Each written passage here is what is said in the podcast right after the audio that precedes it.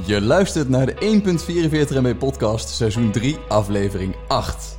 Deze aflevering zitten we met Steven Uiten thuis. Je kent hem als het gezicht van Swapfiets, waar hij dit jaar afzwaaide. We hebben het in de podcast voornamelijk niet over Swapfiets. Waarover wel? Side projects naast je werk, goede cultuur en de tofste inzet van data. Heel veel luisterplezier. Yes, daar zijn we. Daar zijn we. Steven, welkom. Dank jullie wel, jongens. En eh, misschien nog even een bedankje geven, Matthijs, aan M2, waar we wederom de studio mogen gebruiken. Zeker. We zitten in het pand van Candid. Deze keer weer. Ja, precies. Eh, tof. Hey Steven, leuk dat je er bent. Nou, leuk dat ik mocht komen. ik voel me vereerd.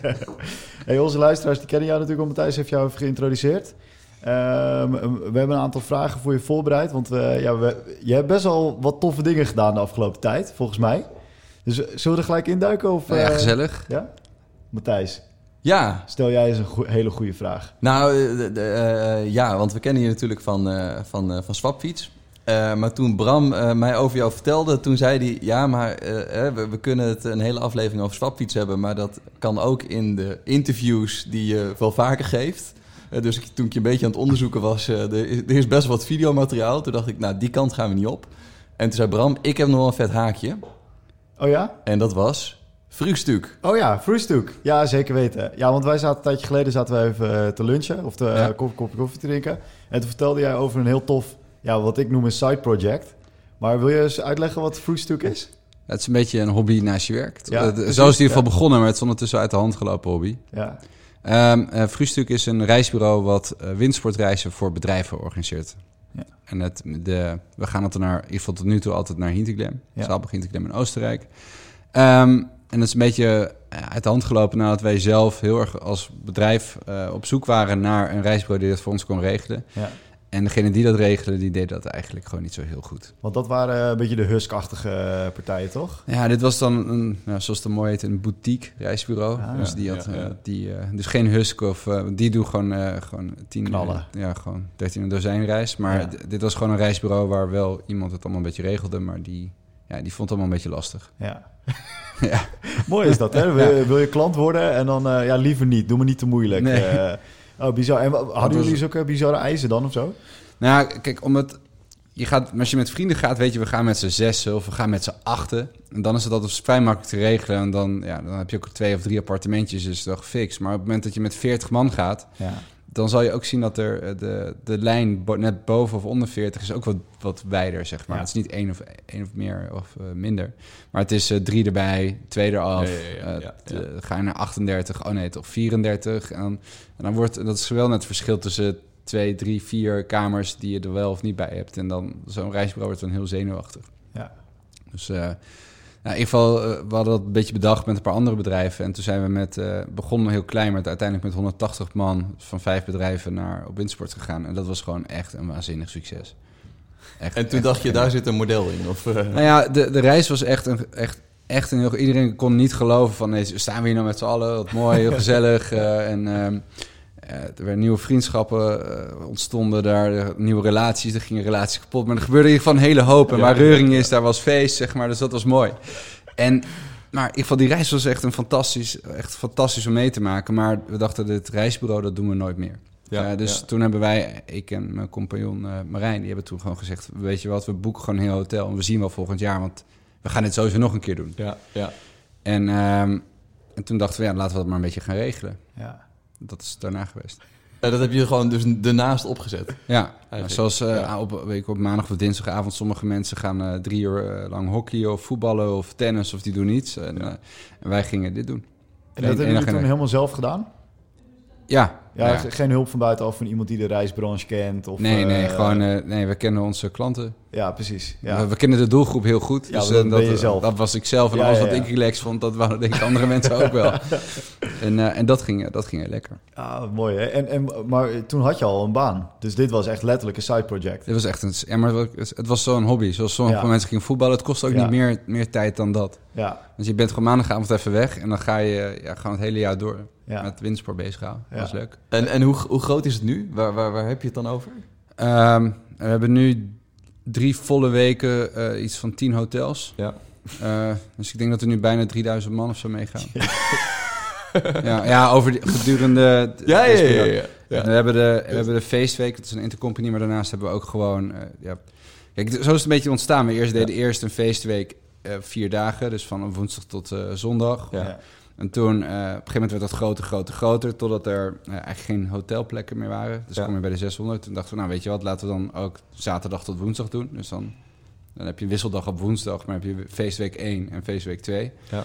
Nou, toen op een gegeven moment werd dat ook groter. En toen waren er nog heel veel andere reizen. Dus we hadden vorig jaar, of bedrijven die ook eh, met ons mee wouden gaan. En toen hebben we iets van 40 bedrijven afgewezen. Ja, je kan gewoon niet met ons een wintersport. Dus nee, je kan, Ja, niet, ja, het ja. kan niet. Ja. Toen Dacht- werd het nog toffer natuurlijk. Toen ja, iedereen echt mee. Maar we hadden al schaarste en eh, daarvoor al. Al eigenlijk altijd sinds we bestaan. Eh, maar toen dachten we van ja, we hebben de infrastructuur, we hebben de hotels, we hebben de portal, we hebben de kroegen, we hebben de skiverhuur. Alles hebben we al in baan. Gewoon voor dus één eigenlijk volle week van zaterdag tot zondag.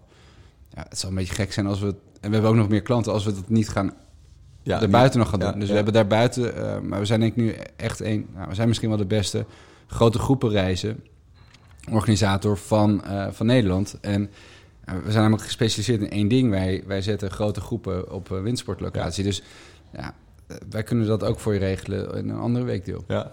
Wa- Waar ik nu gelijk aan zit te denken, want ik heb, ik heb het ook wel eens geprobeerd om van de grond te krijgen. Met gewoon veel mensen op wintersport. Ja. En het, het wordt al best wel snel. Hè, wat je zegt, er zijn bepaalde partijen. Je hebt grote partijen, maar die doen het altijd niet goed. En je hebt de boutiquejes en die hebben net niet genoeg grip. En die krijgen stress Mhm. en dat soort dingen. Eh, Is het niet een organisatorisch drama? Als in, je, krijgt, je krijgt ook heel veel gezeur, denk ik, toch? Ja, nou, dat valt wel mee. ja. ja. Nou, je moet gewoon heel duidelijk zijn. Dit is wat je krijgt. En je moet, kijk, als je van tevoren al nadenkt over ik wil dit, dit en dit. En, en nou, dan heb je af en toe wat rare mensen ertussen zitten die dan hele rare wensen hebben. Maar dan zeg je tegen die groepsleider van dat bedrijf, zeg je van ja, dit is best wel een rare vraag, vind je niet? En dan zeggen ja, ja, Ja. dat vind ik ook wel raar. Ja. Ik ben één keer ben ik gebeld door de receptie van mijn, eh, mijn werk toen. Van, ja, dus iemand van, eh van bedrijf, ik zal het bedrijf zijn maar is iemand van dit bedrijf. En eh, die, die was eerst twee keer doorverbonden. Eerst van het hoofdkantoor van mijn werk en dan toen nog de receptie van op het kantoor waar ik toen zat. En die zei van ja, eh, ik heb een vraag en ik wil bepaald of ik meega op, eh, op wintersport of niet. Ik zei, wacht even, dit is, heel, dit is even ander werk, oké. Ja, ja. Ehm, heeft het bed een eh, voetplank op het einde? ik zo zo, ik heb geen idee. Ja, als dat, ik ben namelijk 2 meter 8. en als het een voetplank op het einde heeft, ga ik niet mee. Ja. Ik zei, nee, ja, dan dat weet ik niet. Nou, dan ga ik niet mee. Ik zei, ja, het spijt me, ik kan je er niet, ik kan je verder niet helpen hiermee. Ja. Ja. Maar dit soort mensen heb je er ook. Dus er zitten, Ja, dus dan- ja. Maar over het algemeen eh, valt wel mee. Je gaat, eh, eh, je zorgt gewoon, bij ons, het, het mooie is dus, als je bij ons boekt, dan staat- ligt je skipas klaar in, bij de incheckbalie. En je materiaalhuur kan je doen in onze portal. Dan staat klaar in het skiruim van het hotel. Dus je komt gewoon aanrijden. Ja. Ja. En je checkt in en je kan een half uur later de piste op. En dat is wel, ja, dat is heel relaxed. Dus het- ja, daar hoor je nooit klachten over. Maar dat is extra service die je normaal gesproken niet krijgt, toch? Als in, dit, dit klinkt als een ideale wintersport die ik nog nooit heb gehad in tien jaar wintersporten. Nou, wanneer ga je mee? Maar hoe krijg je dat geregeld dan? Want eh, voor mijn gevoel zijn al die eh, lokale dorpen... die zitten in een soort van bubbel, eh, vooral in Frankrijk. Franse arrogantie komt ergens vandaan. Ja. Hoe, hoe heb je het voor elkaar gekregen om dat dan daar wel goed geregeld te krijgen? Ja, ja, dus we gaan nu acht jaar naar Oostenrijk, naar hetzelfde dorp. Ja. Dus ja, en dit, dat dorp wordt gerund door vier of vijf families. Ja. Eh, die indirect ofwel weer familie van elkaar zijn, want iemand is van de ene met de ander getrouwd. Of, of de een heeft weer ruzie, maar ze hebben allemaal ruzie met Het is elkaar. waarschijnlijk heel rustig in de zomer en dan gaan ze allemaal eh, aan de Ja. bak. Maar. ja. Maar ja, ze zijn niet allemaal. We zitten, dus, ja, het is- ze zijn allemaal. Het is best wel een ingewikkelde relatie. Dus het duurde best wel lang voordat we die, dat dorp een beetje door hadden over wie wel met wie praten en wie niet met wie anders. Weet je. Dus, ja, eh, ja, ja, ja, ja. Maar het eerste jaar zeiden we komen met 180 man. Toen zeiden ze ja, het zal wel. Nou, voor 180 op een avond is niks. En toen Nee. het tweede jaar zeiden ze ja, ja, oh ja. En toen kwamen er, oh, je zijn echt gekomen. En ik denk dat pas na het vijfde jaar of zo dat ze zeiden, oh ja, jullie komen, we gaan er rekening mee houden. ja, ja, En nu, is, nu weten ze dat we de rekening, ehm, ja, dat, nou, nou weten ze dat we komen, dus dan Ja. is het geen probleem meer. ja. Maar, maar die skivuur bijvoorbeeld, dat, dat, dat moet je op een of andere manier koppelen. Dus zij hebben dan al een portal waar je dat in kan regelen. Nee, nee, nee, nee. Dat, dat, Dat, hebben wij, allemaal hebben wij- dat gefaciliteerd. hebben wij gebouwd, want zij konden dat niet. Ja, precies. Ze, zij zijn heel goed in skiverhuur. Ja. maar niet zo goed in, eh, in de digitale kant. Dus wij dachten, ja, we willen...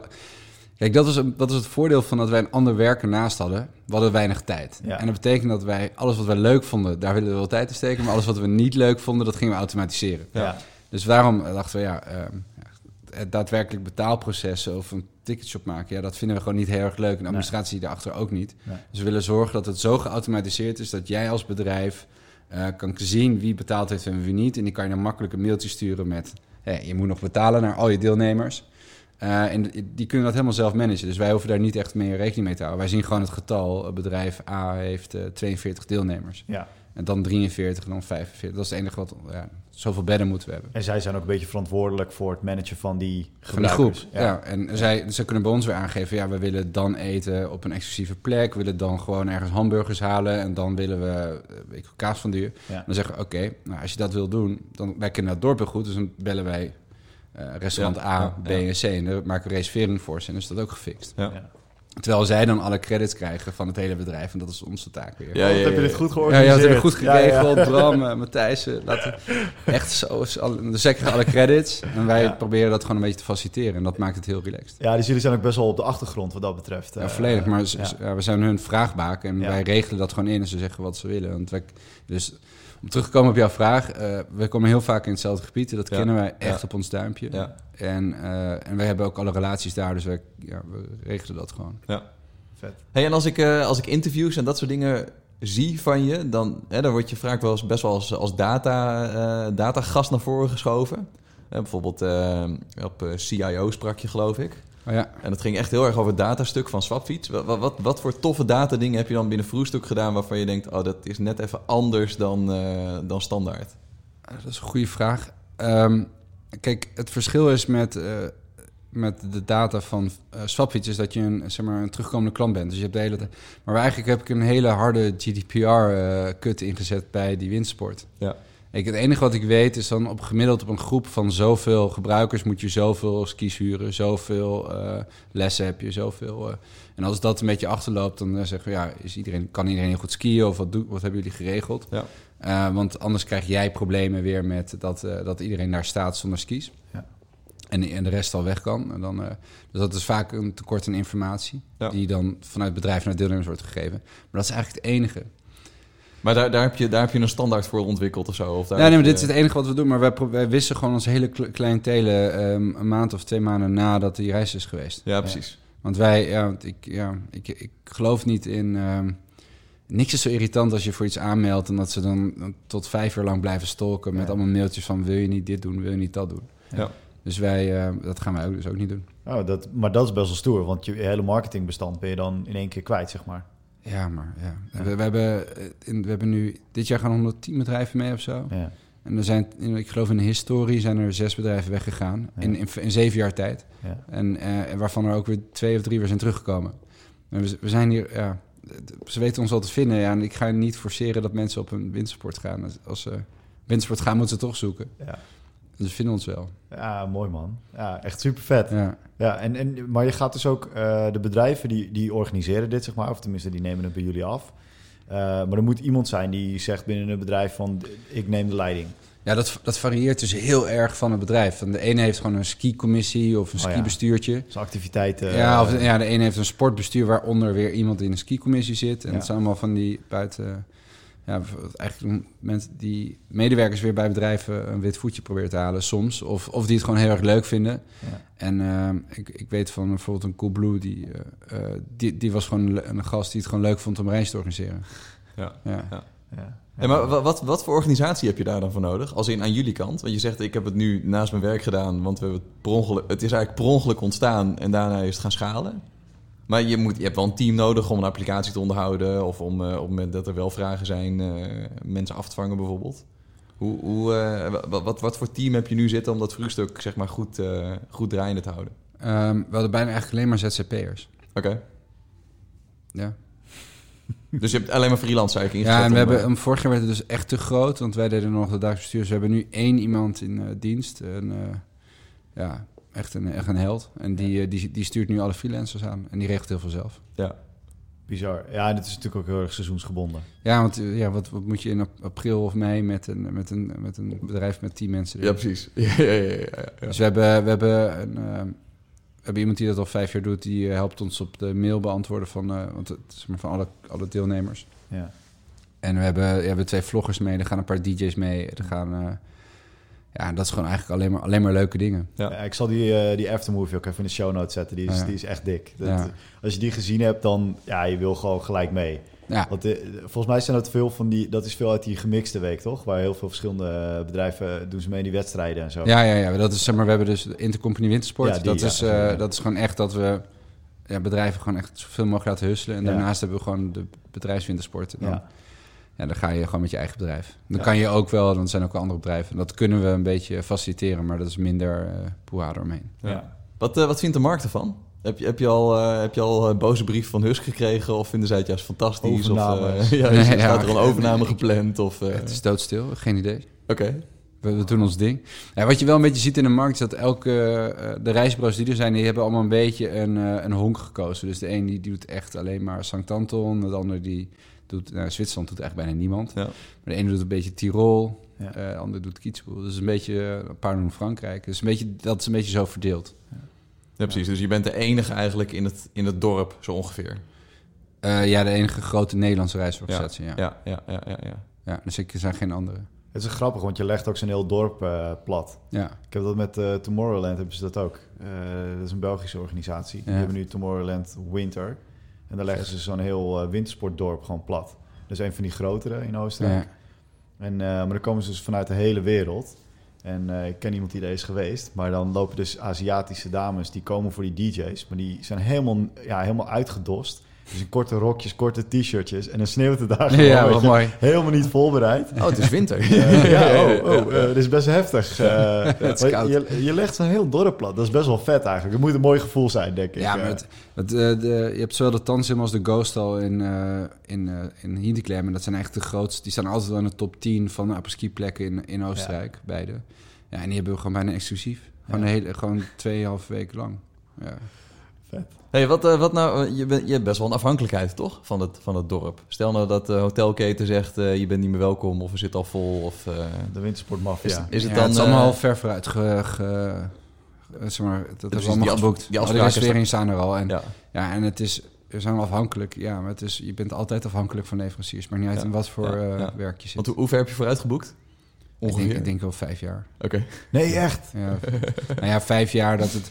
Kijk, ook die hotels die werken elk jaar volgens uh, met stamgasten. Ja. En die weten gewoon, deze week komt die familie. Precies, ja. Die week komt dit. En, en deze weken komen de jongens van Vroegstuk. ja. Maar doe je daar dan iets al met extrapolatie van de data van je nu hebt? Voor hoe ver je gaat groeien? Ah, voor over vijf jaar?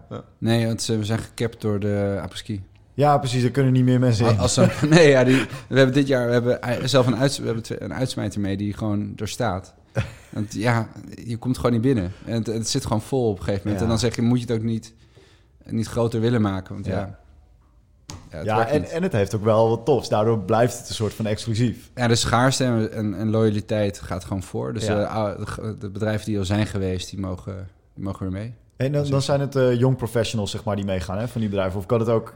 Ja, we, hebben dus, we hebben die twee concepten. We hebben de intercompany wintersport. Ja. En daarvan hebben we eigenlijk maar twee regels. Ja, Dus dat je moet je jonger voelen dan 35. nice. Ja. En de man-vrouw verhouding moet gezond zijn. Ja. Die was vorig jaar 49,51. Dus dat is top. Oh, dat is heel Dat netjes. is heel netjes. Dus eh, en dat, ehm, nou, dat is voor die. En voor een normale eh, reisbureau hebben we natuurlijk geen regels. Daar mag iedereen doen wat ze willen. Ja, ja mag je gewoon je hele bedrijf meenemen en dan eh Ja, komt dat is, van eh, 65 ook mee. Ja. Maar jullie hebben geen eigen trauma-heli nog? Dat Nee, zou nee, nee. vet zijn. We hebben ook nog geen eh, weinig eh, echt ernstige eh, ongelukken gehad. Ja, wel kruisbanden, kniebanden, Ja, alles. bij eh, toch? ja, maar ook daar heb je denk ik de data van, toch? Hoeveel... Nee, ah, ja, wacht, dat- jullie komen met 100 man. Ja, dan, dan denk ik dat er ongeveer één, één zijn been gaat breken. En, Nou, dat, hangt, dat hangt heel erg af van het weer, maar dat, daar houden wij, we houden hier geen statistiek over bij. Want dat is ook niet één die, Ja. Die ons aangaat. Ja, dat hebben wij wel gedaan. Maar Matthijs en ik hebben namelijk ook wintersporten georganiseerd. Ja. Voor de eh, opleiding vroeger. Zeker. En toen ging er op een gegeven moment, toen wisten we dat 1 op 10, Eén daar op- gebeurde iets ergs mee. Dat Ja. was... eh We hadden ook niet zo'n bijster goede groep. Nee, allemaal nerds natuurlijk. Ah, ja. Dus eh gooi ze naar beneden en dan breekt er sowieso iets. Ja. We hadden wel heupen uit de kom. En eh, ja, dat- dat heb je ook ieder wel. jaar wel echt de trauma-heli erbij. Dat was wel... Ah, ja, dat, dat, die hebben wij denk ik ook elk jaar maar die wel. doet het wel goed op de aftermovie. ja. De, bor de borrocopter.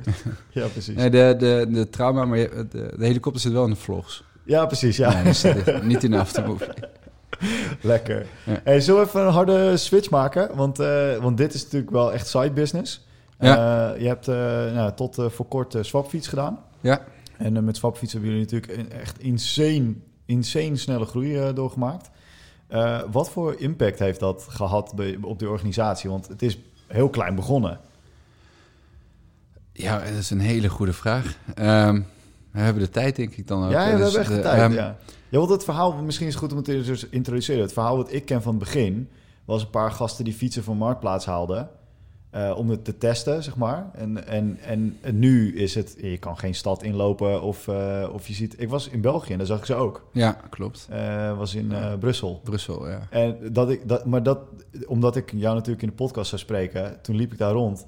En dan besef je pas weer hoe insane het is. Dat, het stond daar echt vol in, in Brussel. Ah, dat is goed nieuws. Eh, ja, het was leuk. echt eh, was daar rondom de Apple Store in die, in die het grote winkelstraat. Ah, ja.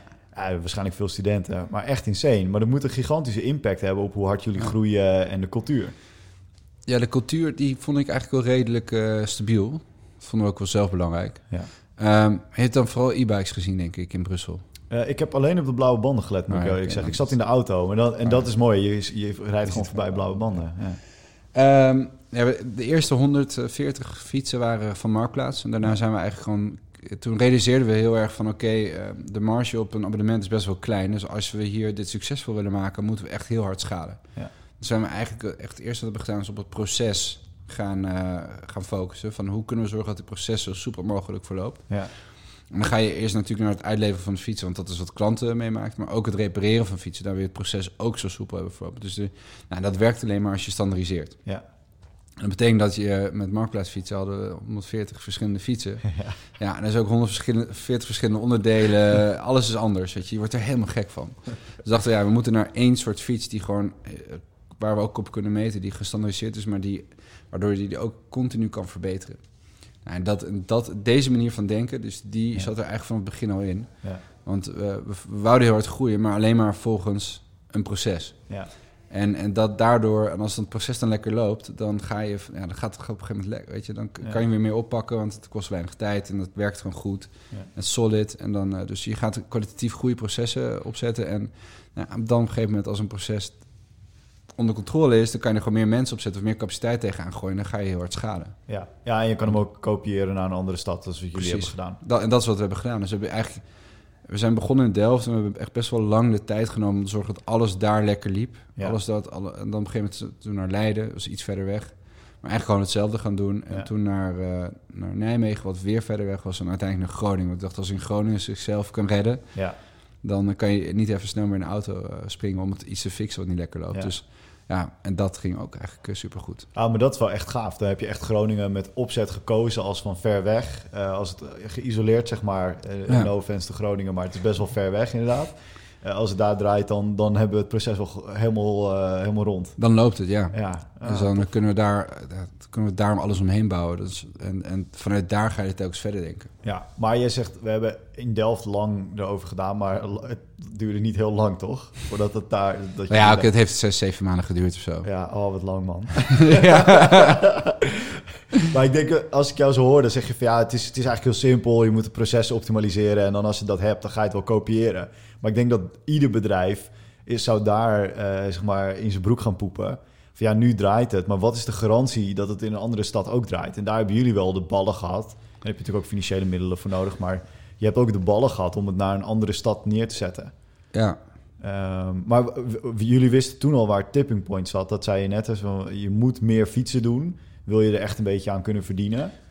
Maar Ja. wisten jullie toen al hoe groot het moest worden? Nou ja, ik had, niet, ik had niet verwacht dat het in zo'n korte tijd zo snel ging. Ik, eh, we, hadden, we hadden wel ambitieuze doelen gesteld, maar Ja. dat was alleen maar op Nederland. En dan Ja. denk je van, ja, Nederland wordt overal gefietst, dus we groeien daar lekker. En. Maar op een gegeven moment wordt die, we hadden zo'n manual van, die eigenlijk gewoon, ik- die kan die aan jullie geven. En dan kan je zeggen, oké, we gaan een nieuwe stad openen. En dan moet je gewoon 88 of 90 stapjes doorlopen en die moet je gewoon afvinken. Ja. En dat begint bij, eh, eh, dat, varieert met een manager zoeken die dat dan gaat draaien tot een kopje koffie met de burgemeester of iets Ja. eh, in die zin. Ja. Dat is gewoon een heel standaard draaiboek. En, en als je dat een beetje, ja, als je dat eenmaal goed uitwerkt dan, eh, en heel simpel maakt, dan is Ja. dat eigenlijk ook weer een procesje. Ja, ja. En dan eh, vanaf die. En we wisten het werkt in Nederland. En toen kwamen we op een gegeven moment op eh, 15 steden in Nederland. En toen zeiden we, ja, nou, naar, naar Groningen wisten we dat we de grote steden gingen doen. En Amsterdam is dan bij far de grootste stad van Nederland. Maar ja, dus je begint dan in Utrecht, is iets gewoon wat, klei- wat groter dan Groningen. En. Rotterdam is weer wat groter. En dan ga je naar Amsterdam. Dus dat was onze zevende stad. En toen hadden we discussie. Wat, wat wordt de volgende? De En ene, de ja. ene zei Eindhoven. De ander zegt Maastricht. De ander zei, eh, die zei eh, Enschede. Ja, weet je, en dan, dan ja, wie, weet, wie heeft de waarheid? Dus toen dachten we, ja, en toen kwam het datagedreven een beetje naar boven van, nou, we gaan het wel uitrekenen. Ja. En toen dachten we, ja, maar dan rekenen we niet alleen voor Nederland uit, laten we het dan voor West-Europa doen. Dus we hebben tot, ja, ik bedoel, als we toch iets gaan klussen om het uit te Ja. rekenen, laten we het dan gewoon groter Ja, aanpakken. ja, dan, ja, voor die computer maakt het toch niet uit wat we erin stoppen. Ja, nee, dus we hadden, we hadden toen Watson, eh, dat is een supercomputer, die hadden we hadden gewoon echt, echt gewoon iets van 30 eh, K- KPI's ingegooid. Van, eh, echt variërend van wat is het hoogteverschil tot aan eh, eh, hoeveel kilometer fietspad ligt er, maar ook hoeveel dagen regent het per jaar. Ja, heel belangrijk voor fietsers. Ja, dus voor fietsers is het allemaal relevant. Dus we Ja. dachten, wat zijn nou wat zijn interessante dingen? Dan ga je een beetje spelen met die weegfactor. Maar die had het uitgerekend en er kwam dus een Duitse stad op nummer 1 uit, Ja. Münster. En boven Groningen, want Groningen was de grootste fietsstad van Nederland. Ja, Of de beste, volgens onze berekening. Ja, ja, ja. Ehm, maar en Münster, dus in Duitsland, toen dachten we, ja, waarom dan alleen Nederland? Laten we dan ook maar Duitsland, Münster gaan bij gaan pakken. En dan gaat het een beetje lopen. en, en werkt het in Münster? Ja, dat is echt fantastisch. Maar heb je daar niet hele grote concurrentie? Want wa- eh, wat, wat mij stoort aan mobiliteit in Nederland is dat we geen elektrische stepjes mogen hebben. En Ja. geen skateboards en dat soort dingen. Maar in Duitse steden absoluut wel. Ja. Heb je daar niet heel veel concurrentie van? Nou, dit was 2017, dus toen was dat in ieder geval nog niet. Ja. Dus dat is ook alweer jaren terug. Nee, Ja. maar ik bedoel, toen, eh, maar toen had je nog geen stepjes. Dus dat was... eh, ehm, en ook stepjes vinden Duitsers... Ja, een fiets is toch wel, wel, wel fijn, Ja, ja, ja. ja. natuurlijk vervoersmiddel wat overal werkt. Dus dat, Ja. Dus da- daar merk je überhaupt weinig concurrentie van. Of weinig... eh, Ja, het is. Ik, ik kan. Ja, ik weet niet. Ik, we zijn niet anders gewend, dus ik kan het ook niet anders meten. ja. Ik zou het in Nederland kunnen zeggen als die stepjes worden geïntroduceerd. Ja. Ja, ik, ja, dat weet ik niet zo goed. Want ik denk dat in Nederland is het zo ingeburgerd, fietsen. Eh, in Duitsland begint het natuurlijk ook wel te komen. Maar je ziet in, eh, in L.A. bijvoorbeeld... zie je dat al die, die echt jonge kinderen, zeg maar... Ja. die commuten gewoon met de step. Want die moesten vroeger met de auto... waren ze afhankelijk van papa en mama. ja, precies. Het is een ander, ander, soort, zelf. ander soort mobiliteitsvraag in Nederland vooral. Ja, ze gaan Ja. daar met die stepjes over de stoep... en niet op de weg. Want een fiets wil je gewoon in L.A. niet doen. Dan ben je gewoon gegarandeerd dood. Ja. Hey, no- nog heel even, want we hadden het net over groei en over cultuur. Ja. Eh, eh, je zegt, eh, we hebben 89 stapjes of zo. Ja. Eh, ik kan me heel goed voorstellen dat naarmate je er veel meer proces in gooit, dan gaan mensen het proces volgen in plaats van de jeukwoord purpose. Snap je? Dat ze Ja. minder, minder met swapfiets hebben, meer oké, ik ga het een lijstje afwerken en dan, dan doe ik mijn baan goed. Hoe, hoe heb je ervoor gezorgd dat mensen wel echt de cultuur bleven bewaken, of dat die cultuur in ieder geval ook meeschaalde? Ja, wel, wel meerdere dingen die we eigenlijk vanaf het begin al hadden gedaan. Kijk, ik, ik- iemand vertelde me laatst, ik vond het, ik vond het eigenlijk een hele mooie eh, vergelijking. Is, het is als een eh, piloot die gaat vliegen. Die maakt zelfs een plan, maar die moet, voordat hij gaat opstijgen, moet hij een heel stappenplan aflopen. Die, die doet eh, tien dubbele checks.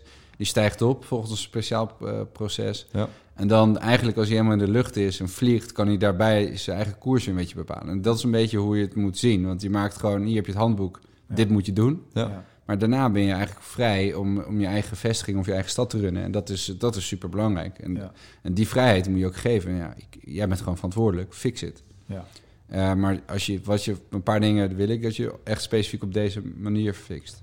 En dan, Ja. dat verbetert de hele tijd, want dan krijg je weer feedback op dat proces. En Ja. je moet er maar, en daar moet je ook naar kunnen luisteren, want anders kan je niet telkens dat stappenplan beter maken. Ja. En zie, zie je dan grote verschillen tussen steden? Of dan misschien wel op persoonlijk Nee, je, merkt wel in het begin, in het begin was het draaiboek zes stapjes, om even een voorbeeld te noemen. Dus Ja. had je ander soort managers nodig die eigenlijk wat meer cowboys waren dan degene die je later hebt, die wat meer een, ja, dus wat meer een piloot is. Dus dat is, je, je ziet ook wel, Er zit groei in het type mens, dus. ja, dan, ja het, het, het, het karaktereigenschap van een bepaalde mensen heb Ja. je nodig, omdat dat gewoon verder professionaliseert. Dus Ja. je wordt daar gewoon beter in. in, in ja, die mensen in het begin hebben heel veel uitgevonden. Die waren heel vrij erin en heel veel ging goed, maar er ging absoluut ook wat fout. En nu gaat er veel meer goed en die hebben er wel minder van, omdat je hebt uitgevonden wat beter was. Was, is dat concreet uitgestippeld? Dat je gaandeweg andere type mensen nodig had? Of is dat misschien wel meegegroeid met de organisatie zelf? Ja, dat is volledig met de organisatie meegegroeid. Ja. Dus dat was ook vrij natuurlijk. En eh, je merkt gewoon, ja, ik vind het minder leuk. Of het wordt wat minder bouwen. En dat is ook, bijvoorbeeld, ik ben zelf ook afgezwaaid. Dus het is, eh, op een gegeven moment krijg je ander, ja. ander type manager heb je nodig. Ja. En, ehm, maar wat we daarnaast nog deden op cultuur, wat we heel belangrijk vonden, is omdat iedereen wel een soort van gedachte had. En iedereen gelooft heel erg in fietsen. Fietsen is een goed vervoersmiddel. Ehm, de steden, ja, die, je kan ook heel veel verkeersproblemen oplossen in steden met de fiets. En in Nederland weten we het al heel lang, maar in het buitenland vinden ze dat ook een beetje uit. Ehm, maar omdat iedereen wel heel vrij was en een beetje op zijn eigen eilandje zat in elke stad, eh, hebben wij, eh, hadden we Heartbeats georganiseerd. Dat is wel eens in het begin elke maand en dat werd nu elk kwartaal, omdat het een beetje te groot werd. Maar in die Heartbeats kwamen eigenlijk alle managers bij elkaar van het hele bedrijf, inclusief hoofdkantoor. En daar gingen we gewoon alle veranderingen doorpraten die we hadden gedaan. Dat was op eh, digital vlak, op, eh, op juridisch, algemene voorwaarden, op operatie, op eh, efficiëntie, op eh, marketing of acties. Alles wat gewoon één hele dag alles doornemen. Ja. Ja. Een beetje teambeelden, een beetje, nou, een beetje training nog erin. En was super gezellig. Eindig altijd met een leuke borrel. ja, precies. Ja. En dat, dat zorgt wel dat je dan ook niet alleen maar hebt over het. Want, want eigenlijk zijn heel veel problemen waar misschien iemand in Nijmegen tegenaan loopt. Die zijn dan opgelost voor iemand die in eh, Utrecht zit. Omdat die gewoon eerder die schaal heeft bereikt. En die leert er heel veel van. En dan, oh ja, dan moet je zus en zo doen. Dat is makkelijk. Of je hebt één iemand die heel makkelijk op eh, HR-issues gaat. Een me- manager die zegt, nee, die kan iemand uit een misschien wat kleiner eh, stad kan, kan weer kennis geven aan eh, over hoe die daarmee om moet gaan of Ja, hoe die een team moet ja. leiden. Maar daar moet je wel voor openstaan. Dat moet wel in je cultuur zitten. Want dat, dat, Ja, en eh, dat, dat, was het, dat is het enige wat. Maar dat is eigenlijk niet echt veranderd. Iedereen was heel erg open, want niemand, ik bedoel, niemand wist. Ze hadden toch geen idee. Niemand had een idee. Ja. Ik, ik bedoel, iedereen was nieuw. Je krijgt een beetje het gevoel, tenminste dat dat heb ik van een beginnende franchise-ondernemer.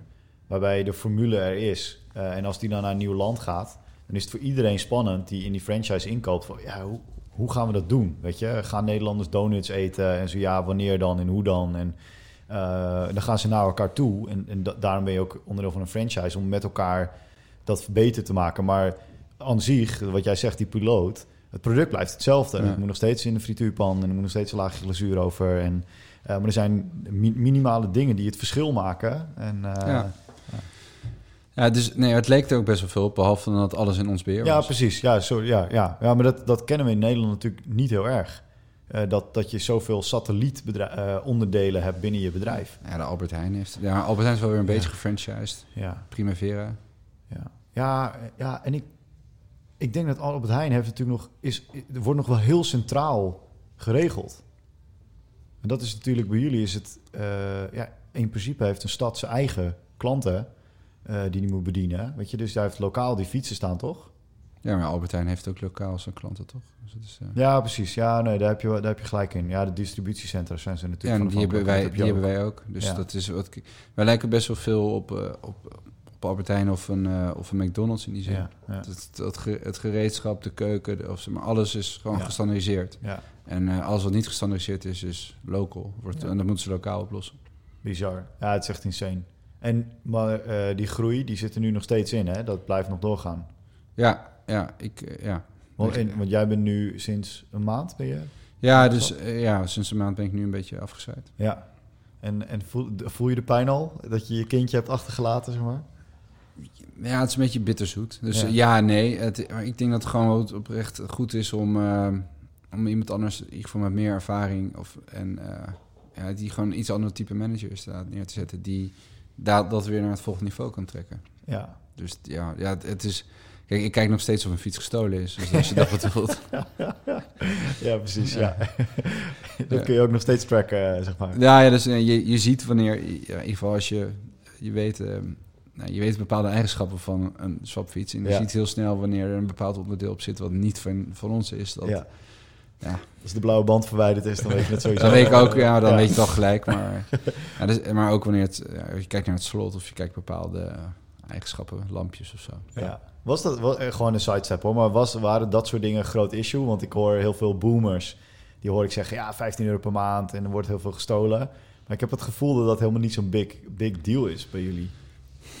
Ja, eh, nou, het, fietsdiefstal, heb je het dan over expliciet fietsendiefstal? ja, gewoon alle, alle simpele dingen, maar fietsdiefstal is daar eentje van.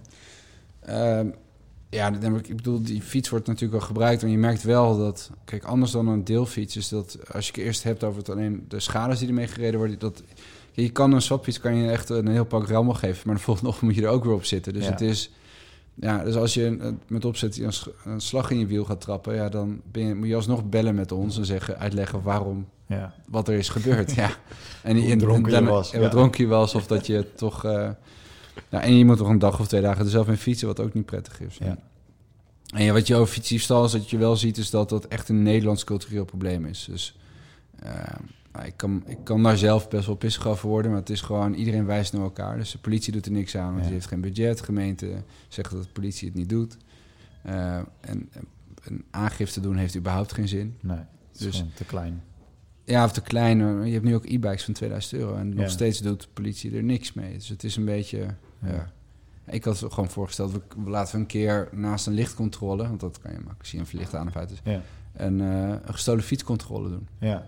Dan zei ze, ja, maar we hebben geen goed registratiesysteem voor fietsen Ja. als kenteken. Dan zei ik, nou ja, swapfiets toevallig wel. Ja, Dus ja, als je- ja, ja, ja. dus dus ik- je kan nummertje zo- Ja, er is een Ja. nummertje op. En als Ja. het nummertje niet op zit, dan weet je ook genoeg. Ja. Ja. Ja. Dus ehm, Ja, hey, een andere bel, zou je dan Ja. zeggen. ik kom eens even hier. Ja, ja, ja, ja. Ja, maar dat mag dan, maar dat, en dan mag dat juridisch gezien weer niet. Dus Ja. dat is weer, eh, dat is wel lastig. Ja. Ja, vroeger was het nog een ding om eh, je postcode onder in de fiets eh, te graveren. Oh ja, Ja, dat, eh, ik ben dus een keer aangehouden omdat ik op een gestolen fiets reed, volgens de politie. oh ja. En toen was, het, was ik heel blij, want ik kon mijn fiets omdraaien en er zat onderop was mijn eh, postcode Ah, gegraveerd. wat mooi. Ja, Ik- eh, bizar. Ik kan wel je, in Amsterdam kan je je, je fiets fotograferen met een nummertje. Dan weten ze dat die van jou Ja, precies. Dus Ja, dat, kan, dat kan dingen, wel. Ja. Maar, ja, en als je fiets één keer is gejat, dan ga je dat soort dingen natuurlijk doen. Dan ga je een beetje er tegen weren. En, eh, ja, maar alsnog, dan er gebeurt niks. nee, Dus, maar dat is het hele grote probleem. ja. Ja, zonde hè? Ja. ja, het is precies wat je zegt. Want het is natuurlijk niet zo erg als jij een gestolen fiets he- hebt gekocht voor 25 euro en die wordt gejat. Wat ik tijdens mijn studententijd wel eens heb gedaan. Oh. Eh, eh, omdat ik s'nachts fiets nodig had. Maar eh, die werden wel altijd aangeboden in Leeuwarden, moet ik heel eerlijk zeggen, bij het station. Best wel vaak. Eh, Ja. Maar als jij een, een elektrische fiets hebt gekocht voor 2000 euro, dan bouw je als een stekker natuurlijk. Ja. Maar die gestolen fiets die jij voor 25 euro hebt gekocht... was Ja. daarvoor, voor de vorige eigenaar, misschien wel 250 euro. ja, deze toevallig niet, maar ik snap je punt. Ja, ik bedoel, nee, dat en- was ook zo. Ja, maar ooit was hij dat wel. Ja. maar misschien zitten er zes eigenaren tussen en is hij van 250 naar 200 naar 100. Ik, anyway, dit- je, de, hij was ooit die waarde wel. ja, En, eh, en nu dus 25. ja, En iemand heeft er toch op verloren. ja. Ja, uiteindelijk ik ook hoor. Want het bleek dus dat deze fietsen, die, kunnen, die, worden, die hebben een bepaald slot wat ze kunnen openmaken met zeg maar een koffielepeltje. en dat was die zwerverse truc om een avondje geld te verdienen. Ja, ja. Dus ik heb mijn verdiende loon gehad. Moest Ja. ik alsnog eh lopen. Ik wil weer even weg van eh, fietsen en swapfietsen. Sorry man. Ja, ja. We hadden nog meer dingen. Nee, eh, nee, want we hebben natuurlijk al een vroegstuk gehad. En ik was eigenlijk best wel benieuwd of je nog andere side projects hebt gehad. Of andere dingen waarvoor, waar- die je voor jezelf hebt gebruikt om misschien scherper te houden. Of eh, die richting. Ehm, nou, ik heb een paar Ironmans gedaan. Halve dan wel. Ja. Dus dat was een soort wel side project. Want je moet er wel wat tijd voor opzij zetten. Ja, Maar je bedoelt echt ondernemen, niet echt per se. het ondernemen. Ja, want ondernemen zit wel, zit wel hardcore in je, merk ik wel in dit gesprek. En het gesprekje wat we hier kort eh, voor even hebben gehad. Ja, nou eigenlijk niet zo heel veel eh spannends. Oké. Het is echt best wel saai. Maar dit, dit swapfiets was ook best wel druk, toch? Denk ik. Ja, dus ik heb niet zo... Ja, behalve dan die windsport die ik ernaast toch een beetje deed. Maar Ja. die... eh, ehm, nee, ik heb niet zo... Nee, dat was op, ging wel allemaal aandacht naartoe. Ja. Oké. En heb je dan bijvoorbeeld iemand die, die je traint of coach of een voorbeeld of zo? Die, want zo'n swap, swapfietstraject, ja, ik heb ook een paar ondernemingen gedaan. Ik vond het soms best wel zwaar Ja. als je dat alleen doet. Nee, ik probeerde overal... We hebben...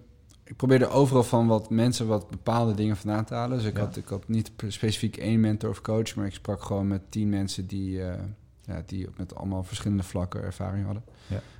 Ehm, ik, we lazen best wel wat boeken. We hadden zelfs een boekenclub in een swapfiets. Die hebben we nog top. steeds. Dus eh, die leest één boek per maand. En zat een beetje een, eh, een, een, een- nou ja, dus een soort business, filosofisch-achtig boek. Eh, het- soms is het een beetje roman of soms eh, Ja. autobiografie of soms gewoon echt een managementboek. Maar Ja. Wat, wat, wat is je meest, meest leerzame boek geweest? Heb je, heb je er Ooit? eentje die, ja, die er echt uitsprong eh, in Ehm, de afgelopen dat is- jaren ik dan, vind- ik? Het is echt, ik, ik word altijd heel enthousiast als ik zeg, maar het is van Dale Carnegie.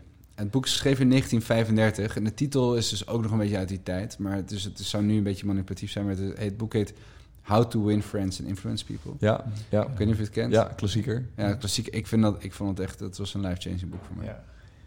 Oké. Ik heb hem gelezen eh, jaar vijf geleden. Maar toen was het was herschreven. eh, zodat het, in, eh, dat het gewoon nu bij de Ah, tijd dat past. op zich wel. En toen later las ik pas dat, die, dat het zo'n oud boek was. Dat je denkt, hoe, hoe kan het dat dit zo eh, tijdloos is? Best wel logisch toch? Maar dat- ja, dat komt door de mensen. Maar dat, dat vind ik heel grappig. Want er worden natuurlijk aan de lopende band boeken uitgebracht. Ja, Uh, maar dat zo'n boek wat al zo lang eigenlijk loopt, dat dat gewoon... eh, Ja, ik vond het, het was, dat is dus ontstaan uit een soort eh, filosofieklasje. ja. Want eh, dat ging begon van hoe kan het dat ik eh, eh, Bram of Matthijs zo aardig vind, maar waarom vind ik Piet dan echt gewoon een, ja, gewoon een lul? ja. Of wat doen die personen? Hoe, wat zijn nou die eigenschappen? En daar gewoon verder over door gaan denken. Ja, wat zijn nou, wat, wat, wat, wat doet die persoon nou dat, dat ik hem aardig vind? ja. Ja, ik vond dat, eh, dat best wel inspirerend. Op een gegeven moment ga je dus ook kijken, ga je ook mensen anders proberen te benaderen. Gewoon meer omdat je, ja, ja gewoon omdat het, omdat het kan. Het is kleine moeite. Ja. Omdat je beter begrijpt hoe het een beetje werkt. Dus, je, dus je hebt het praktisch kunnen toepassen en daardoor, daardoor is het heel waardevol geweest. ja, Ja, grappig. een beetje over na gaan denken. Ja. Ja, ja, eh, het boek Meeting Strangers, eh ken je dat? Nee. Van eh, Ma- Malcolm Gladwell. Eh, gaat hier eigenlijk ook over. Ja. Ehm, en ik ben dankzij Matthijs naar hem toe geweest, naar zijn eh, lezing. Die was, was minder interessant dan het boek overigens. Maar nee, omdat het, dat is best wel moeilijk natuurlijk. Omdat, uh, hij is echt een goede schrijver, maar vat dat dan maar samen in een, in een pitch van een half uurtje. Ja. Maar, Ja. Ehm, maar dat boek gaat er hier dus ook over. Van, maar, maar de verhalen, zonder dat ik te veel weggeef hoor, voor de boekenclub. Maar de verhalen die, die de aanleiding zijn naar het, het specifieke verhaal over hoe, hoe de mensen in elkaar zit, eh, zijn dat mensen helemaal om de tuin worden geleid. eh, terwijl ze het helemaal niet doorhebben. En dan denk je ook van ja, shit, dit is zo, zo interessant. Dat is echt, dat is echt een aanrader. Die moet je echt even, en hij leest ook zo weg. Malcolm Gladwell schrijft gewoon hele, ja. wat dat Ik betreft ken de simpele- schrijver wel trouwens. ja, ja, hij heeft best wel wat van die eh ACO top 10 boeken eh, geschreven. Ja, ik denk dat zijn uitgever gewoon heel goed is. Dat Tip, hij gewoon, eh, tipping Point, zijn bekendste. Ah ja. Tipping Point, ja. ja. En hij, eh, hij heeft ook best wel een lekker, eh, ja, hoe noem je dat, voorkomen. Hij heeft zo'n gro- grote krullenbos, dus eh, hij doet goed in het TED-talk-achtige circuit. Ja. Ze laten hem overal voorkomen. New York Times schrijft ook veel voor. Ja, Een slimme, slimme gast. Grappig. Leuk. Ja, dat zegt niet of je slim bent, hè. Maar, eh, Ik zal hem aandragen. Bij, Ja. eh, Ja, bij de boekenclub. Ja. maar wie, eh, wie bepaalt dan welke boeken er worden gelezen? Is dat een team effort of was er één... Nou, de, de- er wordt altijd wel een top 3 gemaakt, wordt een beetje gestemd. Ja, Maar ja, iemand stemt ook weer, maakt ook weer de top 3. Dus en uiteindelijk volgens mij, er zijn gewoon het, eh, twee eh, leiders van die boekenclub. En die Ja. eh, jonge dame en een eh, jongen. ja. En die bepalen uiteindelijk gewoon, ja, al, als ze een boek graag willen lezen, dan wordt dat hem waarschijnlijk. Wordt het erin gedrukt, ja. Ja, maar ik bedoel... Niet op basis van data. Je hebt er nog geen tool voor ontwikkeld. Nee, maar ik bedoel, iedereen kan stemmen en dat, is, dat werkt volgens mij best wel goed. Ja. Ik vind het wel vet, want we, vroegen eventjes van wat heeft dat voor impact op cultuur om zo grote schalen en dat soort dingen. En en ik geloof dat het andersom is. Ik geloof dat je cultuur ervoor zorgt dat je dat kan doen. Maar dit wat je nu zegt, van ja, er is, ja, is ook een boekenclub. Maar de bepaal, de, daaruit haal ik dat het dat eigenlijk het meer een soort van community is dan een traditioneel bedrijf. Het zijn gewoon mensen die heel, heel graag zelfde dingen willen doen met elkaar. Ja. En als je, eh, ja, ga maar eens een boekenclub organiseren binnen een, een, een standaard bedrijf. Ja, Dat als je het oplegt, gaat het, gaat het niet werken. Nee, ja, dan, en, maar, Ja, maar maar we, hebben best wel veel van, het is best, best wel veel van dat soort initiatieven binnen Swapfiets dan. Ja, Ehm, we hebben een spelletjesavond, één keer in de twee weken. We hebben, dan gaan mensen bordspelletjes spelen. ja, offline eh, games. Offline, ja, ja, ja, ja, gewoon spelletjesavond, Ja. gewoon lekker Hollands. Eh, en, eh, we hebben, en wat echt, echt heel vet is, is de, is de, is de ja, ze noemen het de Grim Gym. Maar ehm, het begon met een, van die, een van die jongens, die was vo- voordat hij bij Swapfiets kwam, of gaf hij ook bootcamps. Oh ja. En die is dat eerst gaan doen op, eh, gewoon op maandag of dinsdagavond eh, bij, na Swapfiets. Dus dan konden mijn collega's eh, dat doen. En toen was er een, een groepje met wat fanatiekeren. Die gingen dan de- ook 's ochtends nog een keer, maar dan op een andere dag. Dus twee of drie keer 's ochtends en dan op maandagavond met het hele bedrijf. Nou, en dat 's ochtends werd, werd steeds wat intenser. En toen... ehm, hij vroeg altijd ook eh 3 euro aan elke medewerker die meedeed. Want daar kochten ze dan van die bootcamp dingen voor. Ja. Weet je wel, van die pionnetjes. Of, Ja. nou, die groep werd steeds groter. Dus dat geld kwam ook daar. Er werden dus meer dingen van gekocht. Dus op een gegeven moment kwamen er gewichten. En die kwamen dan... Ja, er was dus onder de kelder van Swapfiets was dus... eh, was een grote ruimte. En het was een soort... eh, ja, het was eh, gewoon een betonnen vloer. En niet, best wel laag, maar wel, wel veel vierkante meters. Dus daar gingen ze dan s ochtends die bootcamps doen. Maar dan kwamen de gewichten te staan. En dan kwam Ja, er ja, een, een pull-up rack. En dan kwam toen ze... Nou, dat is gewoon echt nu een vol, vol gym. Full-blown gym. Full-blown, echt full-blown Maar gym. wel ge, Gespaard- gefinancierd. Gespaard door de Alleen 3 maar, nee, euro's. maar- ja, maar dus we, van, met Swapfiets hebben we eigenlijk alleen maar wat, heb ik, wat, hebben we wat faciliteiten gesponsord. Zoals een kleed, de kleedkamer als in. Ja. Daar zit een, eh, een handdoekenrekje of een bankje, weet je, zo'n sportbankje. En eh, de schoonmaak wordt gefixt. Maar alles wat in die gym staat is gefinancierd door medewerkers die dus mede. Ja. En ehm, het heeft nu zelfs zijn eigen Instagram pagina. Zo, Gym Gym of Instagram Gym. Als je die checkt dan... eh, dat is, maar de, dat is nu eh, echt gewoon vol, echt, echt heel vet. Is gewoon een best wel echte community. En denk je dat dat te reproduceren is? Zeg maar zo'n zo'n cultuur. Kan je dat nog een keer opzetten?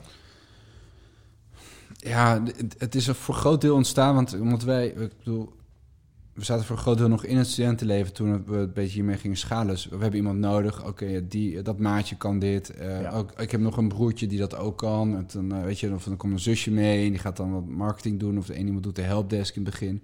nou, en die, blij, die groeien dan wel door omdat het gewoon groter wordt. En zijn Ja. rol wordt steeds groter, verantwoordelijkheid wordt groter. En die kennen ook weer mensen. Dus we zijn best wel veel sociale netwerken, zeg maar, erbinnen. ja, ja, ja.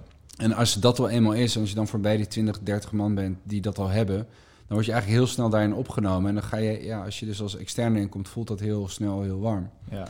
En dat, ik denk dat die combinatie en met, eh, dus dat je veel vrienden hebt waar je op terug kan vallen, waar je mee kan sparren of waarmee je kan overleggen hoe je dingen doet. Eh, plus dat je een heel erg we fix it houding hebt. Ja. Dus, eh, want Ja. niemand wist hoe je dingen moest doen. Dus ja, we fixen het wel en we gaan dat draaiboek wel een beetje maken. En dan, Ja. en dan eh, vanuit management was ik dan heel erg op het sturen op proces. Dus doe niet one-offs en dat je de hele tijd... Want eh, de druk is gewoon te hoog, dus probeer het gewoon... Nou, die combinatie is lekker. Ja. Ja, en, dat, dus en dat creëert die cultuur. Want Ja. dan, eh, Ja, maar je moet wel de voordeur goed dicht houden. Je moet wel de juiste mensen aannemen. Nou, dat, dat, dat, dat vind ik inderdaad ook wel een interessant haakje. Want stoot dat niet heel erg af? Is dat niet, kan dat niet voor mensen heel erg voelen van... oeh, dat is wel echt een heel beschermd clubje, daar kom ik niet tussen. Of daar, eh, nou ja, de, heb je daar in sollicitaties last van gehad, bijvoorbeeld? Nee. Nee. Nee, want kijk, het maakt niet uit. Als je naar in Groningen of in, in Leiden of in eh, Leeuwarden een stad moet opzetten, ja, dan we hebben toch iemand daar nodig. Ja. Ja. Ja, En die, en die eh, ja, dat werkt gewoon goed. Dus die, die zit daar toch. Ja, je, hebt ook nog, natuurlijk- je bent ook een gaaf merk inmiddels. Weet je, dat is ook gewoon... ja, eh, in het begin niet eens hoor, want dat had nee. best wel veel moeite in het begin dat je. De eerste 19 medewerkers waren allemaal mannen. ja. Dat is echt best wel lastig. want Je merkt dat dat, dat wel lastig was om vrouwen aan te trekken bij een, bij een fietsenbedrijf met weinig zekerheid. ja, ja. ja. Ja, en eh, als je binnenkomt bij 19 mannen. Ja, dat trekt een specifiek soort vrouwen. Die, waarvan iedereen het gewoon, als het eh, doet het niet, we fixen het. Ja, ja dat, dat- heb ik bij Label A ook gemerkt. Ja. Als je als vrouw daar binnenkomt voor een sollicitatie, dat heeft wel effect. Of je überhaupt er gaat solliciteren. Hè? Als er op de website eh 19 mannen staan, Ja. die allemaal niet zo heel eh, knap zijn. Eh, dan eh, moet ik even eerlijk zeggen, dan schrikt dat natuurlijk best wel af. Dus, eh, ehm, maar hoe is dat in, in- inmiddels? Weet je dat? Wat, we hebben, eh, ik geloof 55% was vrouw op ja, hoofdkantoor. netjes. Ja. dus we hebben nu meer vrouwen. Dat is echt top. Ja. En merkte je een, dat, dat de dingen veranderden toen jullie naar Amsterdam gingen met het hoofdkantoor? Dat, dat, Ja. dat je problemen kreeg? Nou, juist minder problemen, want we konden Echt? echt niemand vinden die bij ons zou werken toen we in Delft zaten. Ja, En in Amsterdam ging het in één keer heel makkelijk. maar je kreeg niet ineens heel veel zeurende hipsters die eh, toch niet zo hard waren werken. Ze licht vooroordeel over Amsterdamse workforce hier, hoor. Nee, dat, Je ja. magenta voorwiel wilde. ja, Ja, bijvoorbeeld. Eh, nee, die kom je wel tegen. Ja. Daar word je gewoon, eh, ja, je- je- daar neem je ook of snel weer afscheid van, of je, Ja. ehm, die, die pik je er wel uit. Want vaak mensen die niet echt weten wat ze willen, die, eh, ja, die wij weten heel goed wat we ons willen, dus dat klikt dan minder goed. ja, eh, ja, je filtert het zichzelf er wel uit. Ja. Ja, dat, ja eh, eens. Dat, Wat- eh, ja. Dat is wel uit, uit een ander boek, uit, uit Scaling Up had ik die gehaald. Dus van Ja. maak gewoon een, je, je sollicitatieproces best wel lang Ja. en doe een hele intense onboarding. ja. Eh, en dan, dan heb je in ieder geval wel iedereen die je wil hebben op een manier dat ze het zouden moeten doen. Dus dat werkt, dat werkt supergoed. Ja, dat ben ik helemaal met je eens. Maar daar moet ik je ontzettend veel credits geven wat jullie hebben gedaan. Want dat klopt. Dat heb ik ook gedaan met Label A en dat werkte. En ook het stuk cultuur. Dus alleen maar, wij namen alleen maar mensen uit, uit ons netwerk, aan uit ons netwerk. Mhm. Dus we gaven liever 5000 euro aan een medewerker voor het aanbrengen van een, een goed personeelslid dan een stomme Headhunter, recruiter. Ja, ja. eh, die iemand volgend jaar weer wegtrekt, zeg maar. Dat werkte echt supergoed. Die cultuur was hecht. Totdat we wouden gaan schalen. Dan ineens worden, wordt het, de processen wat slapper. Ja, je, je moet toch mensen gaan aantrekken. En dat jullie dat voor elkaar hebben gekregen met die gigantische schaling... Nou, zo heftig hebben wij het nooit natuurlijk. Ja, Nee. bij Barney was het op een gegeven moment wel zo heftig. Uh, maar, maar dat is wel echt uniek. Dat, dat, dat, dat lange proces hadden wij ook. Totdat we gewoon ineens veel meer mobile konden verkopen... dan dat we ooit hadden kunnen bedenken. Mhm. Ja, toen gingen we ook mensen aannemen. En toen zei eentje, die kwam uit Spanje. En die zei, ja, ik ken nog wel vijf mensen uit Spanje. Uh, dan is het toch heel, heel moeilijk om te zeggen... nee, laat maar, we willen eerst die mensen gaan screenen. En uh, heb ik soms ook wel gedaan. Niet specifiek met deze mensen uit Spanje. Zonder dat ze zich niet uh, benaderd voelen. Maar wel echt gedaan dat wij... voor, en dat merkten we vooral met mensen die ergens anders vandaan kwamen. Dus jonge mensen was Ja. makkelijk. Die kochten zich in in de cultuur. Die zeiden, wauw, dit is vet. Gym beneden, boekenclub, tof. Maar mensen die ergens anders vandaan kwamen, die namen hun cultuur mee. Ja. En die konden best wel frustreren. Heb je dat nooit gemerkt? Nou, niet, niet specifiek, nee. Ja, het, het, het klinkt heel... eh, ik, ik snap precies wat je bedoelt. En, maar wel op een gegeven moment eh, namen de meeste mensen aan... die hadden al één baan gehad. Ja. Dus die hadden twee jaar ergens gewerkt. En die kwamen toen bij ons. Ja, dus die wisten wel wat werken was. Dat was wat werken was, maar niet die... ja. Toch? Ja, Ja. dus... dus heel- Geïndoctrineerd. Ja. Maar de gemiddelde leeftijd was 28, dus het was niet heel... Maar we hebben natuurlijk ook superveel uh, swappers en uh, fietsenmakers in dienst. Ja. ja. Ja, en fietsenmakers die werken wel vaak op hun eigen maniertje. En, Ja. en dan wordt een proces of een standaardisatie wordt wel vervelend. Want zij Ja. willen hun hoekje net zo. Ze willen net een waterpomptang links van hun hamer, terwijl de ander het rechts wil, weet je. Ja. Dus je moet ook een beetje kijken waar geef je vrijheid en waar niet. Ja. En, uh, maar vooral, uh, ik denk vooral de mensen die... die uh, nou, die dingen moesten regelen, waren, hadden al gewerkt. En een groot verschil wel met Label E in dit geval was dus dat uh, er is best wel schaarste op uh, developers in Nederland. En ja. Ja, voor een manager heb je best wel wat meer. Je, want hadden vooral project, projectmanagers en gewoon managers die mensen aanstuurden. Ja. En daar kan je al, dat, daar is wel meer van te vinden. Ja, ja en dat geldt natuurlijk ook voor, voor, fiets, voor monteurs. Die, die... Nou, fietsenmakers was de grootste schaarste. Ja, echt? Ja. Oh, ik had juist verwacht, omdat die, die winkels die zijn, gaan natuurlijk al één voor één dicht. Maar die mensen kiezen waarschijnlijk een andere baan. Met ze, uh, ja, nee, en ik denk dat het op een of andere manier toffer is om voor, voor Swapfiets te werken dan voor uh, rijwielhandelaar De Wit in uh, Nee joh, dat zijn allemaal family businesses. Die, die, ja, die vallen niet. ik, mijn laatst was mijn zadel gejat. En toen heb ik er uh, bij de fietsenmaker... Sorry, geen swapfiets. Bij de fietsenmaker op de hoek een nieuw zadel opgezet. Maar je had dus ook en, gewoon en dat, nu via een appje kunnen zeggen... van hey, mijn zadel is weg. En dan... Ja, dat weet ik. Maar dit kon ook. Man, man, man. Dat was wel grappig, want toen uh, ook mijn zadelpen was gejat. En ik was be best wel heel even best wel heel erg gefrustreerd. Want wie had er nou een zadel met zadelpen? en toen zei hij, uh, ja nee, want ik zat eerst op internet te kijken of ik zelf dan een nieuwe zadelpen met zadel zou kopen. Tuurlijk. Maar ik wist niet wat de maat was en dat soort dingen. Dus toen ben ik toch maar naar die man gegaan. En die moest weer een tussenstuk tussen zetten, want het was kennelijk best wel een raar, rare zadelpen, zei hij in ieder geval. En uh, hij alles er netjes opzetten, zei ik van, ah, dankjewel. Want ik, zei, ik, ik, was op internet aan het zoeken, maar ik kwam er niet uit. En zei hij, uh, ja nee, ik heb het nu zo gepiept. Dat doen ze niet op de internet. Nee, de internet. Dat doen ze niet op de internet. Ja, dat uh, een mooie, mooi mooie baas was dat. Ja. ja. Hey, ik, ik, wil nog even een, een ander stukje pakken, Steven. Want uh, je hebt, uh, met Swapfiets zaten jullie in Amsterdam. Jullie deden vanuit het hoofdkantoor hier ook het buitenland. En je hebt ook in Amsterdam bijvoorbeeld Dot zitten, die die stepjes doen. Ja. Die zijn niet actief in Amsterdam, maar zitten hier wel. En bijvoorbeeld Uber zit hier ook vrij groot. Wat maakt het, wat wij hebben hier in Nederland en specifiek zeg maar de Randstad, wat je ergens anders niet hebt? Ja, dat, kijk, voor Uber is makkelijk. Dat, dat is belastingvoordeel. Ja, precies, ja. Ja, ja, voor en, Dot denk ik ook. Dus ja, voor Dot. Uh, ja, en die hebben wel in Nederland, die hebben wel in Nederland gestudeerd, die gasten. En ja. ik ben er ook geweest. En die, uh, dus dat, dat is wel, ja, die, die wonen hier wel. Ja. Dat is wel een uh, groot verschil. Ja, ik, en ik, ja, ik denk dat dat het is. Maar wat ik heel erg merkte is dat, het, dat Amsterdam is toch een grote stad, gaat, gaat veel naartoe. En dat um, het was gewoon makkelijk om personeel te vinden hier. Ja. ja, want ook buitenlanders willen graag in Amsterdam werken. Toch? Experts. Ja, ja. Tenminste, dat merkte ik ja. bij Binder heel erg. Dat uh, als we zeiden van ja, ik kom developen in Rotterdam, dus nou, laat maar. Uh, maar Amsterdam wouden ze heel graag wonen, waar ze ook vandaan kwamen ter wereld.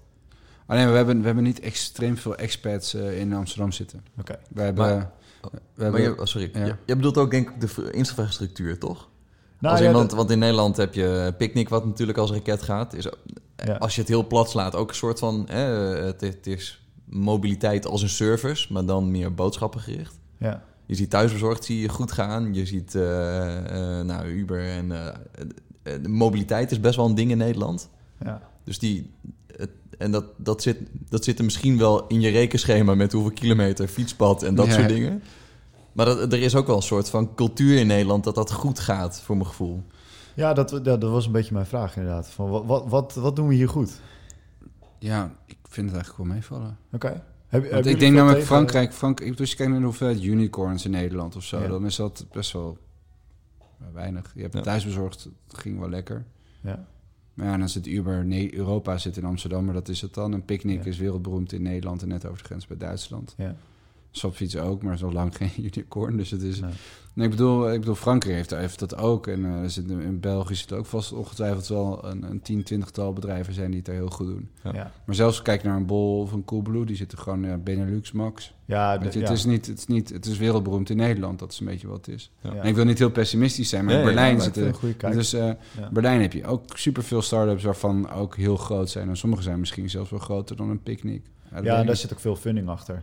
Een, een de- makkelijker funding te krijgen, omdat Ja. het daar groter is. In Parijs ongetwijfeld ook, maar dat zijn bedrijven van formaat picknick waar je nog nooit van gehoord hebt. Ja. omdat Nee. die alleen daar opereren. Ja, ja. Ja, dat is misschien ook wel een nadeel van Europa. Als, als iets in Amerika wordt gemaakt, dan is heel Amerika daar lijp van. Want als het Amerikaans is, is het geweldig. Ja. Maar wij zijn niet trots op iets Europees.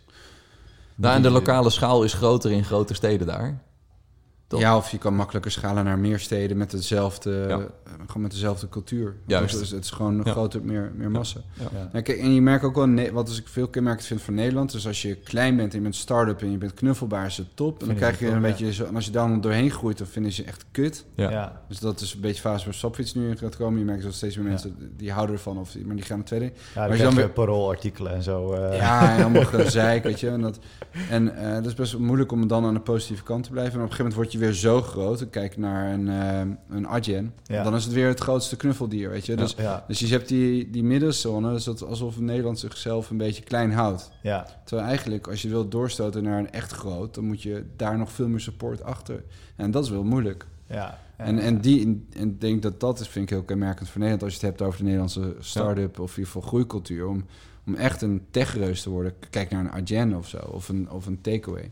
Die, die zijn er doorheen. Dat is Ja. echt top. En dat is iedereen nu trots op takeaway. Omdat ze eh, een, een, een markt in eh, Engeland weten te pakken of Ja. zo. ja. ja, en die hebben, ook, die hebben ook de fase waar Swapfiets nu in zit. Die hebben zij ook gehad. Ja. Dat ze eh, alle business weghaalden van alle snackbars. eh, want ze Ja. maakten geen marge meer. En, eh, en daar hebben ze zich wel helemaal doorheen eh, weten te knokken, volgens mij. Nou, en ik, ik hoef niet zeggen dat, of ik wil niet zeggen dat het nu negatief over Sappies wordt, maar je, het knuffel-imago is eraf. Ja. En dan wordt het eerder moeilijker gemaakt dan makkelijker. Ja. Ja, Dus ja is, en, eh, en veel meer mensen krijgen een mening. Ja, En dat, eh, in, in, ter voorbereiding zaten wij even dingetjes te lezen. Maar dan krijg je ook heel veel mensen die het niet snappen.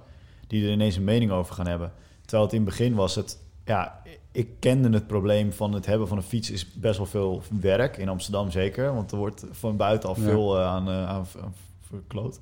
Eh je belstraf en dat soort dingen. Dus het, het is heel Of je- simpel. Of je zadel. Die zadel Ja. met zadelpen is weg. Ehm, dus ik, ik kende dat probleem. En dan is het heel makkelijk om dat te, te bestellen. En 15 euro of eh één keer per jaar een nieuwe fiets eh, kopen. Ja, no-brainer, weet je. Dat is gewoon een makkelijke investering. Maar nu komen de mensen die verder buiten de stad wonen... die al 30 jaar met een fiets doen van 300 euro... Ja, die kijken er op een hele andere manier naar. Die zetten hem in hun Ja. werk in een hok en dan thuis in een hok... en er gebeurt niks mee. Dus dat... Ja, ik weet ook niet, dan verandert er eigenlijk niks. Alleen die mensen horen er ook ineens van. Dat, eh, ja maar zo- ja, ik, ik, ik, ik weet niet waarom.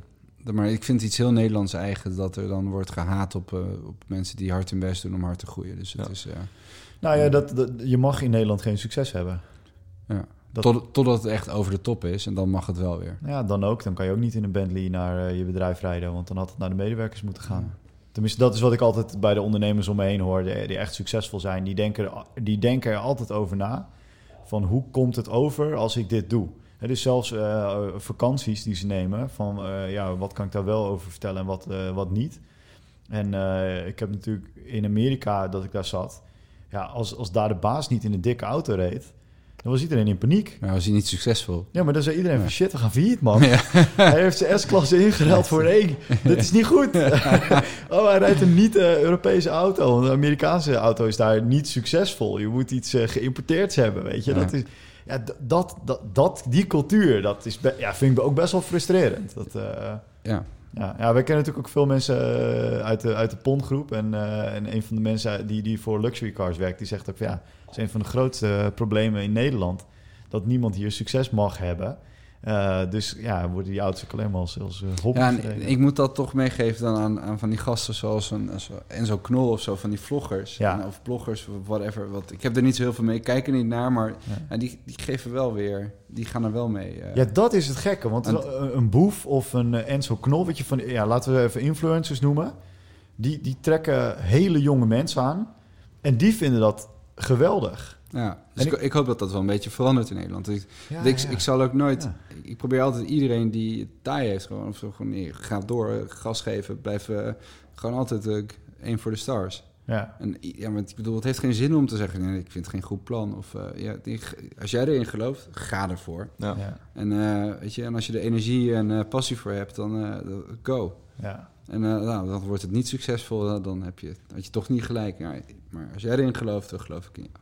Ja, precies. En dan, eh, ja, als, het, als je geen gelijk had, nou ja, probeer het nog een keer of ga iets anders Ja, doen. misschien Of, moet je het eh, een beetje aanpassen. Of, ja, eh, precies.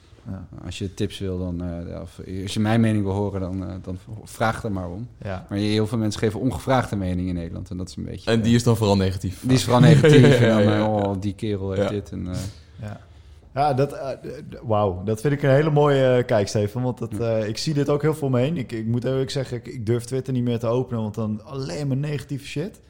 Eh, maar hoe jij er naar kijkt, dat je zegt van ja, ik zie ook andere dingen, die influencers, dat, eh, dat kan misschien wel eens is een nieuwe wave top? zijn. Ik, je moet die mensen die, die juist ervoor gaan. Ik denk, nou, weet ik veel, Joel Beukers koopt een nieuwe Lamborghini. Ja, Alsjeblieft, jongen, top. Ja, ja. weet je, succes. ja, en dan, eh, het- ik bedoel, jij geniet ervan. Die zullen we ongetwijfeld heel hard verwerken. Dus eh, go. ja. En eh, Ja, nee, maar dat, ja, de, de, de- Joel Beukers vind ik een mooi voorbeeld. Daar hebben wij het eh, ook wel veel over gehad. Eh, want het is zo knap dat iemand zoiets uit de grond kan stampen. En als je ook zijn verhaal leest, hoe die begonnen is. En eh, het is echt stampen. Het is echt, echt aanpoten. En eh, ja, het zijn poedertjes. Eh, maar daar heeft hij wel over nagedacht. En het werkt ook nog. Dus ik weet niet of de poedertjes werken hoor. ik, ik moet heel eerlijk zeggen, ik heb die V2 een keer besteld. Maar die andere, en wij, wij trainen toen samen. En je gaat helemaal lijp. Je gaat echt door het plafond heen. ja, jullie kunnen het niet zien, jongens. Maar Veel. er zitten twee kasten tegenover me. Eh, Weet je wat die V2 is? Ik heb geen idee. Het is een soort van eh, oppepper voordat je gaat sporten. Het is letterlijk alsof je een treetje Red Bull eh, op Oh, hebt ja? ik, ik, Ja, maar het is toch knijt veel cafeïne met... ja die, die andere stof. Niet cafeïne, maar de- wat hetzelfde effect ja, heeft. ja, ja. Het is insane. Maar dat vind ik dus ook knap. Dat, dat hij weet die explosie. Toen ik, toen ik dat nam... Want ik, ja, ik, ben, ik ben, was gewoon helemaal door die filmpjes geïndoctrineerd. Ik moet het een keer bestellen. Dus hadden we op kantoor een paar potten besteld. En eh, dat is, zo gaat het dan ook wel weer. en eh, nou, iedereen stond te schreeuwen en die poedertjes in zijn bek te gooien. en, eh, maar daarna snap je ook wat hij probeert met dat schreeuwen, met dat effect. Dat, dat, dat, dat zit vertolkt in dat product. Dat vind ik echt knap. Dat vind top. ik echt, echt gaaf. Ja, je kan, ik, ik vind dat je gewoon niet zo... Je kan niet haten op mensen die gewoon ergens vol voor gaan. Dus Nee, is, eh, Dus conclusie, rij meer Lamborghinis. Ja, dat sowieso. Mensen moeten meer mooie auto's rijden. Mooi Bram. Hey, eh, Steven, ik, ik ga jou bedanken voor je aanwezigheid. Want het was, ja, we zouden zo nog twee uur door kunnen praten, volgens mij. Ja, ik vind het gezellig. eh, Dus, ja, ik vond het ook super gezellig. dus eh, laten we het sowieso nog een keer doen. En, want we hebben net al even een preview gehad op de plannen die je hierna gaat doen. Maar daar ben- zijn we erg benieuwd naar. En dan eh, spreken we elkaar vast snel weer. Zeker weten. Ik zie jou in de, in de volgende podcast. Start de eindtune. De eindtune is gestart. Mooi.